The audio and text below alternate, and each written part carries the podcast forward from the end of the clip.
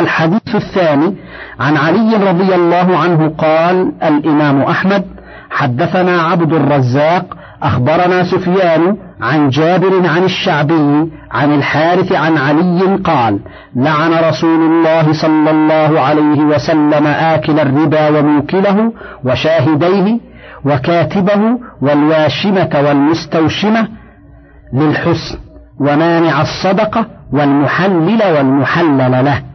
وكان ينهى عن النوح وكذا رواه عن غندر عن شعبة عن جابر وهو ابن يزيد الجعفي عن الشعبي عن الحارث عن علي به. وكذا رواه من حديث إسماعيل بن أبي خالد وحسين بن عبد الرحمن ومجالد بن سعيد وابن عون عن عامر الشعبي به. وقد رواه أبو داود والترمذي وابن ماجه من حديث الشعبي به. ثم قال أحمد أخبرنا محمد بن عبد الله أخبرنا إسرائيل عن أبي إسحاق عن الحارث عن علي قال لعن رسول الله صلى الله عليه وسلم صاحب الربا وآكله وكاتبه وشاهده والمحلل والمحلل له.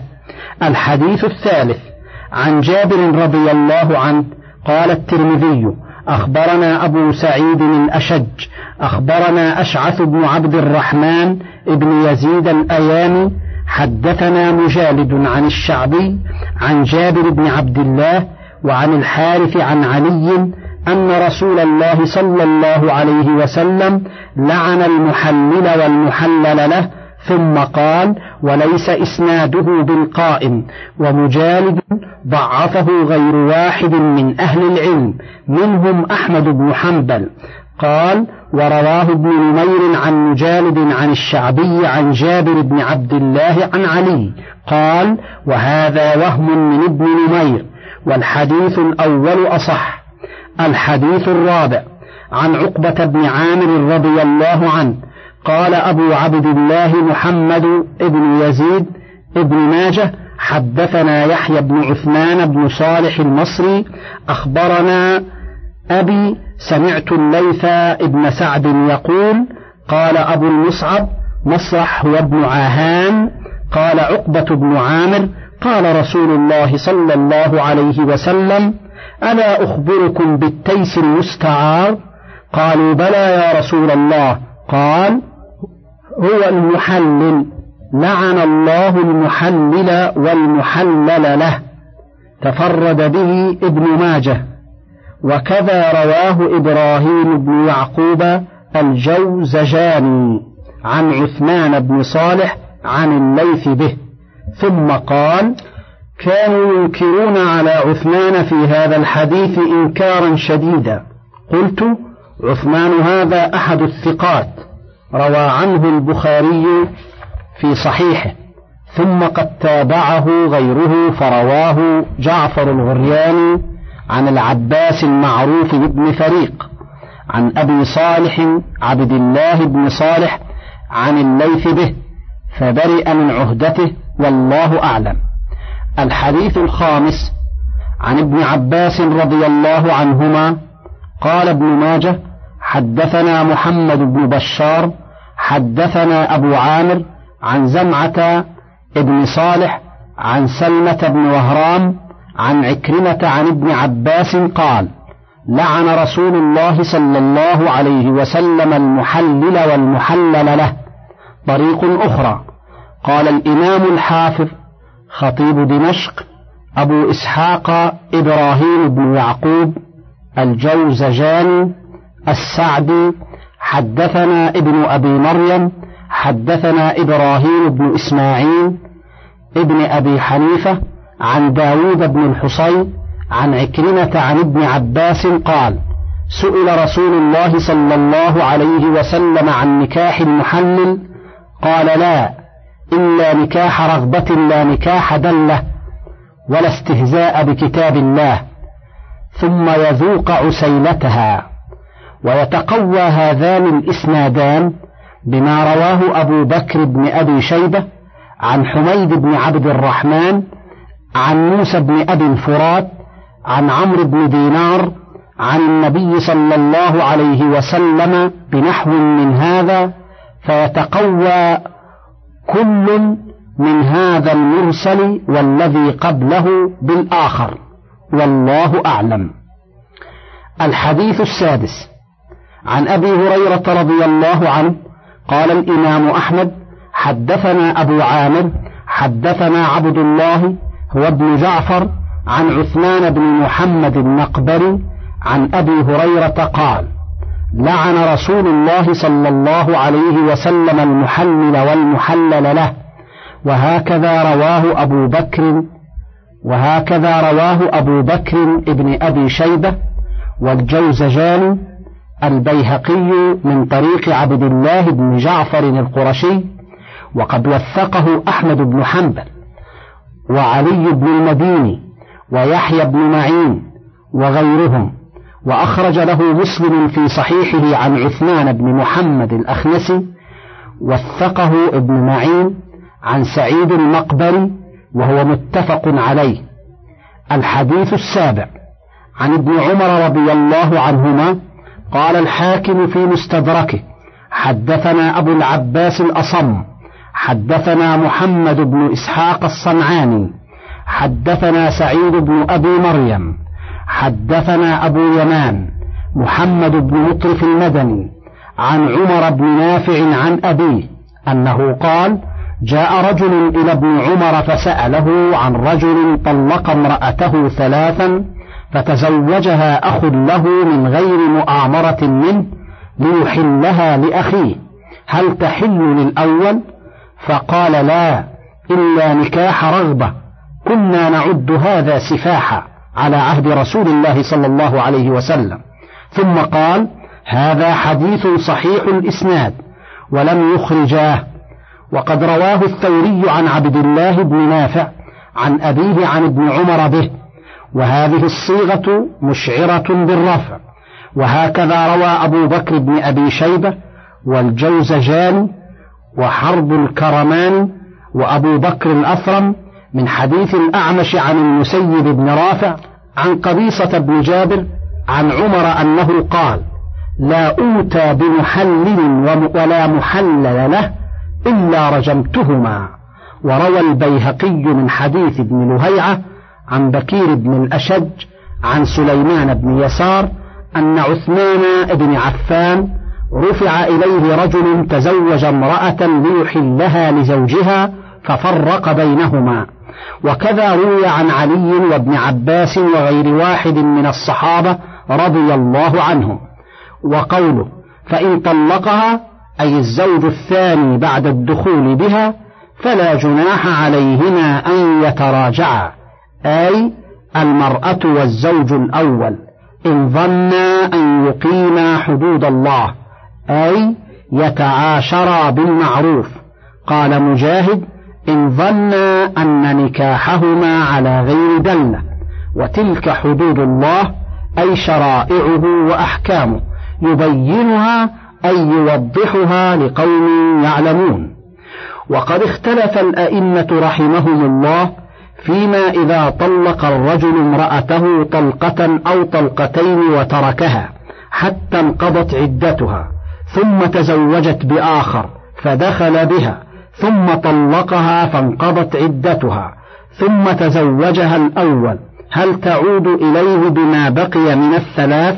كما هو مذهب مالك والشافعي وأحمد بن حنبل وهو قول طائفة من الصحابة رضي الله عنهم. أو يكون الزوج الثاني قد هدم ما قبله من الطلاق فإذا عادت إلى الأول تعود بمجموع الثلاث كما هو مذهب أبي حنيفة وأصحابه رحمهم الله وحجتهم أن الزوج الثاني إذا هدم الثلاث فلأن يهدم ما دونها بطريق الأولى والأحرى والله أعلم. وإذا طلقتم النساء فبلغن أجلهن فأمسكوهن بمعروف أو سرحوهن بمعروف ولا تمسكوهن ضرارا لتعتدوا ومن يفعل ذلك فقد ظلم نفسه ولا تتخذوا آيات الله هزوا واذكروا نعمة الله عليكم وما أنزل عليكم من الكتاب والحكمة يعظكم به واتقوا الله واعلموا أن الله بكل شيء عليم. هذا أمر من الله عز وجل للرجال. إذا طلق أحدهم المرأة طلاقا له عليها فيه رجعة أن يحسن في أمرها إذا انقضت عدتها ولم يبق منها إلا مقدار ما يمكنه فيه رجعتها. فإما أن يمسكها أي يرتجعها إلى عصمة نكاحه بمعروف وهو أن يشهد على رجعتها وينوي عشرتها بالمعروف أو يسرحها أن يتركها حتى تنقضي عدتها ويخرجها من منزله بالتي هي أحسن من غير شقاق ولا مخاصمة ولا تقابح. قال الله تعالى ولا تمسكوهن ضرارا لتعتدوا.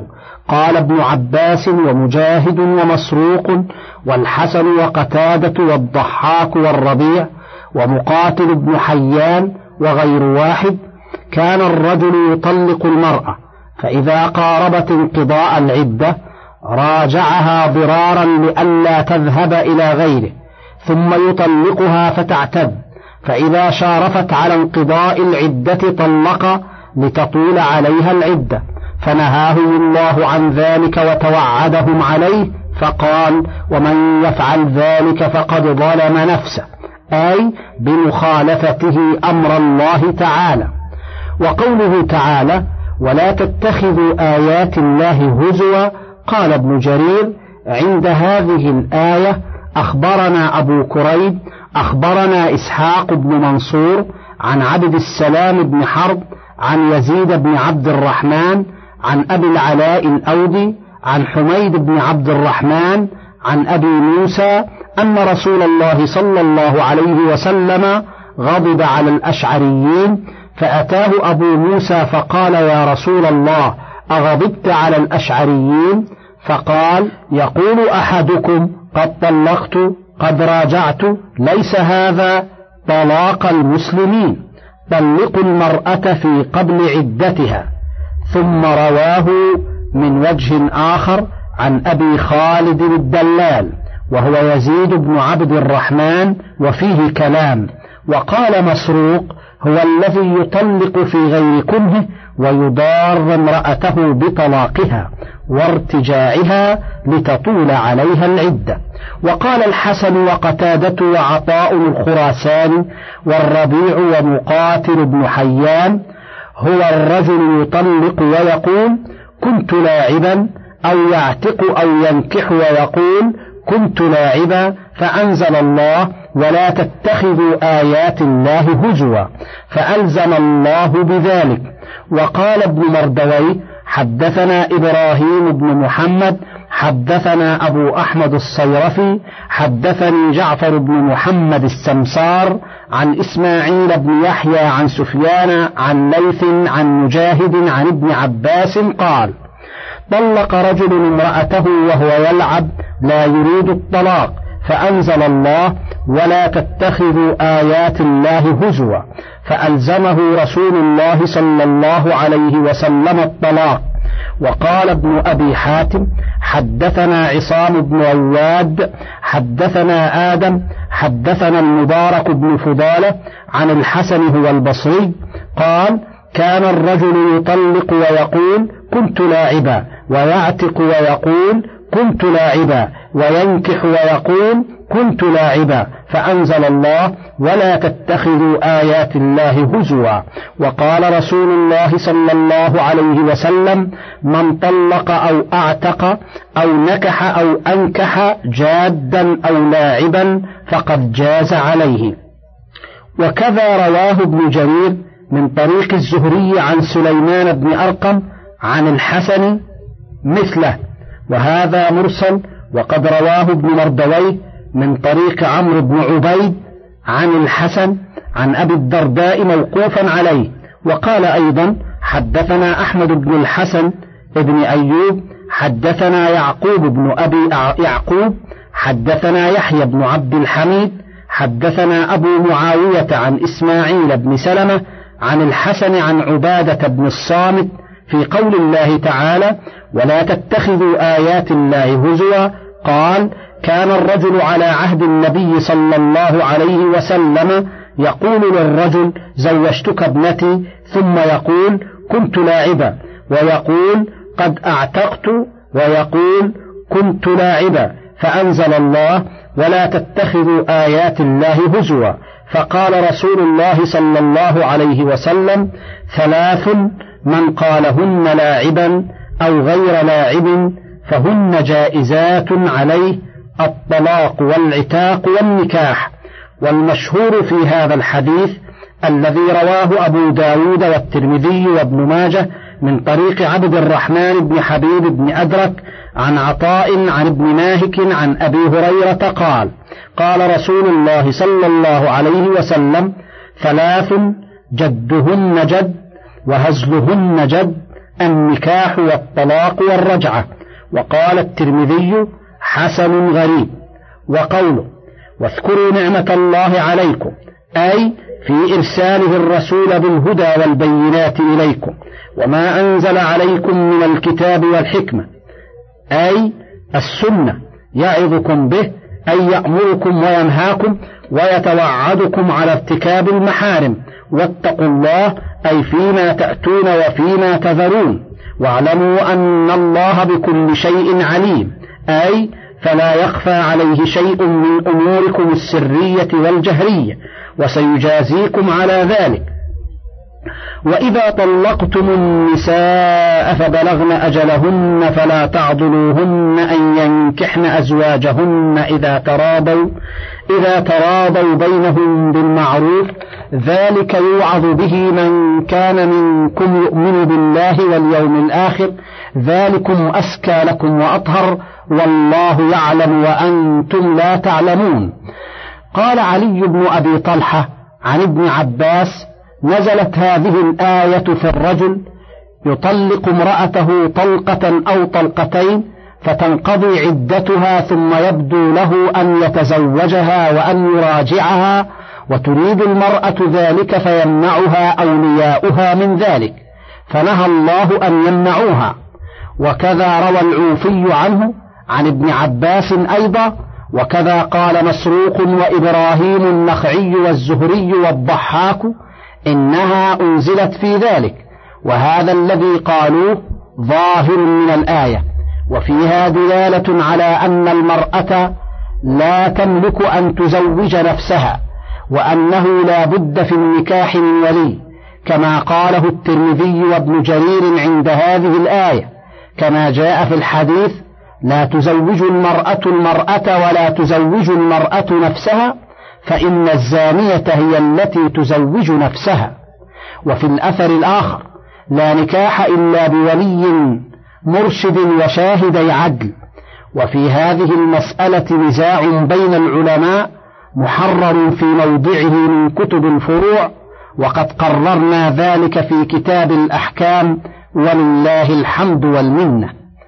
وقد روي أن هذه الآية نزلت في معقل بن يسار المزني وأخته فقال البخاري رحمه الله في كتابه الصحيح عند تفسير هذه الآية حدثنا عبيد الله بن سعيد حدثنا أبو عامر العقدي حدثنا عباد بن راشد حدثنا الحسن قال حدثني معقل بن يسار قال كانت لي أخت تخطب إلي. قال البخاري وقال إبراهيم عن يونس عن الحسن حدثني معقل بن يسار وحدثنا أبو معمر وحدثنا عبد الوارث حدثنا يونس عن الحسن أن أخت معقل بن يسار طلقها زوجها فتركها حتى انقضت عدتها فخطبها, فخطبها فأبى معقل فنزلت فلا تعضلوهن أن ينكحن أزواجهن. وهكذا رواه أبو داود والترمذي وابن ماجه وابن أبي حاتم وابن جرير وابن مردويه من طرق متعددة عن الحسن عن معقل بن يسار به. وصححه الترمذي أيضا ولفظه عن معقل بن يسار أنه زوج أخته رجلا من المسلمين على عهد رسول الله صلى الله عليه وسلم فكانت عنده ما كانت ثم طلقها تطليقة لم يراجعها حتى انقضت عدتها فهويها وهويت ثم خطبها مع الخطاب فقال له يا لكع ابن لكع أكرمتك بها وزوجتكها فطلقتها والله لا ترجع إليك أبدا آخر ما عليك قال فعلم الله حاجته إليها وحاجتها إلى بعلها فأنزل الله وإذا طلقتم النساء فبلغن أجلهن إلى قوله وأنتم لا تعلمون. فلما سمعها معقل قال سمع لربي وطاعة. ثم دعاه فقال أزوجك وأكرمك. زاد ابن مردويه وكف وكفرت عن يميني. وروى ابن جرير عن ابن جريج قال هي جميل بنت يسار كانت تحت أبي البداح وقال سفيان الثوري عن أبي إسحاق السبيعي قال هي فاطمة بنت يسار وهكذا ذكر غير واحد من السلف أن هذه الآية نزلت في معقل بن يسار وأخته وقال السدي نزلت في جابر بن عبد الله وابنة عم له والصحيح الأول والله أعلم وقوله ذلك يوعظ به من كان منكم يؤمن بالله واليوم الآخر أي هذا الذي نهيناكم عنه من منع الولايا أن يتزوجن أزواجهن إذا تراضوا بينهم بالمعروف يأتمر به ويتعظ به وينفعل له. من كان منكم أيها الناس يؤمن بالله واليوم الآخر أي يؤمن بشرع الله ويخاف وعيد الله وعذابه في الدار الآخرة. وما فيها من الجزاء. ذلكم أزكى لكم وأطهر. أي اتباعكم شرع الله في رد الموليات إلى أزواجهن وترك الحمية في ذلك أزكى لكم وأطهر لقلوبكم والله يعلم. أي من المصالح فيما يأمر به وينهى عنه وأنتم لا تعلمون أين الخيرة فيما تأتون ولا فيما تذرون. والوالدات يرضعن أولادهن حولين كاملين لمن أراد أن يتم الرضاعة وعلى المولود له رزقهن وكسوتهن بالمعروف. لا تكلف نفس إلا وسعها. لا تضار والدة بولدها ولا مولود له بولده. وعلى الوارث مثل ذلك فإن أرادا فصالا عن تراض منهما وتشاور فلا جناح عليهما وإن أردتم أن تسترضعوا أولادكم فلا جناح عليكم إذا سلمتم ما آتيتم بالمعروف واتقوا الله واعلموا أن الله بما تعملون بصير. هذا إرشاد من الله تعالى للوالدات أن يرضعن أولادهن كمال الرضاعة وهي سنتان فلا اعتبار بالرضاعة بعد ذلك. ولهذا قال لمن أراد أن يتم الرضاعة. وذهب أكثر الأئمة إلى أنه لا يحرم من الرضاعة إلا ما كان دون الحولين. فلو ارتضع المولود وعمره فوقهما لم يحرم. قال الترمذي باب ما جاء أن الرضاعة لا تحرم إلا في الصغر دون الحولين. حدثنا قتيبة حدثنا أبو عوانة عن هشام بن عروة عن فاطمة بنت المنذر عن أم سلمة قالت قال رسول الله صلى الله عليه وسلم لا يحرم من الرضاع إلا ما فتق الأمعاء في الثدي وكان قبل الفطام.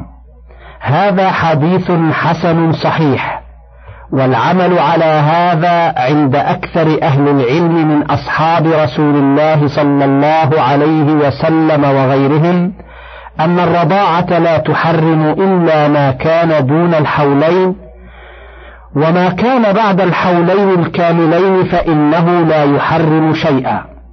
وفاطمة بنت المنذر ابن الزبير بن العوام وهي امرأة هشام بن عروة. قلت تفرد الترمذي برواية هذا الحديث ورجاله على شرط الصحيحين. ومعنى قوله إلا ما كان في الثدي أي في محال الرضاعة قبل الحولين.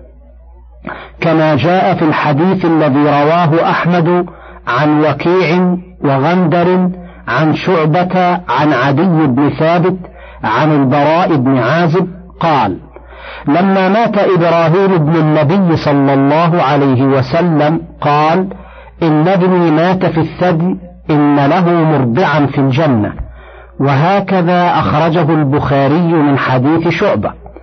وإنما قال عليه السلام ذلك لأن ابنه إبراهيم عليه السلام مات وله سنة وعشرة أشهر. فقال إن له مرضعا يعني تكمل رضاعة.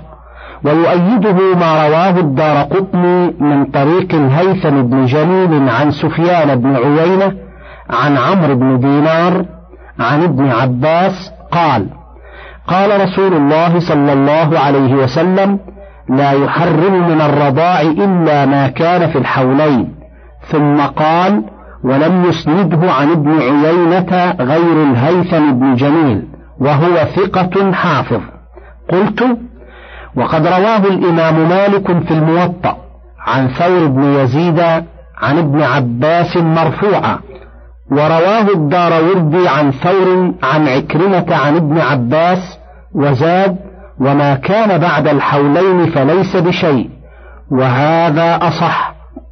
وقال أبو داود الطيالسي عن جابر قال قال رسول الله صلى الله عليه وسلم لا رضاع بعد فصال ولا يتم بعد احتلام. وتمام الدلالة من هذا الحديث في قوله تعالى وفصاله في عامين أن اشكر لي وقال وحمله وفصاله ثلاثون شهرا. والقول بأن الرضاعة لا تحرم بعد الحولين يروى عن علي وابن عباس وابن مسعود وجابر وأبي هريرة وابن عمر وأم سلمة وسعيد بن المسيب وعطاء والجمهور. وهو مذهب الشافعي وأحمد وإسحاق والثوري وأبي يوسف ومحمد ومالك في رواية وعنه أن مدته سنتان وشهران وفي رواية وثلاثة أشهر وقال أبو حنيفة سنتان وستة أشهر وقال زفر بن الهذيل ما دام يرضع فإلى ثلاث سنين. وهذا رواية عن الأوزاعي. قال مالك ولو فطم الصبي دون الحولين فأرضعته امرأة بعد فصاله لم يحرم لأنه قد صار بمنزلة الطعام. وهو رواية عن الأوزاعي. وقد روي عن عمر وعلي أنهما قالا لا رضاع بعد فصال فيحتمل أنهما أرادا الحولين كقول الجمهور سواء فطم أو لم يفطم ويحتمل أنهما أرادا الفعل كقول مالك والله أعلم. من فضلك تابع بقية المادة.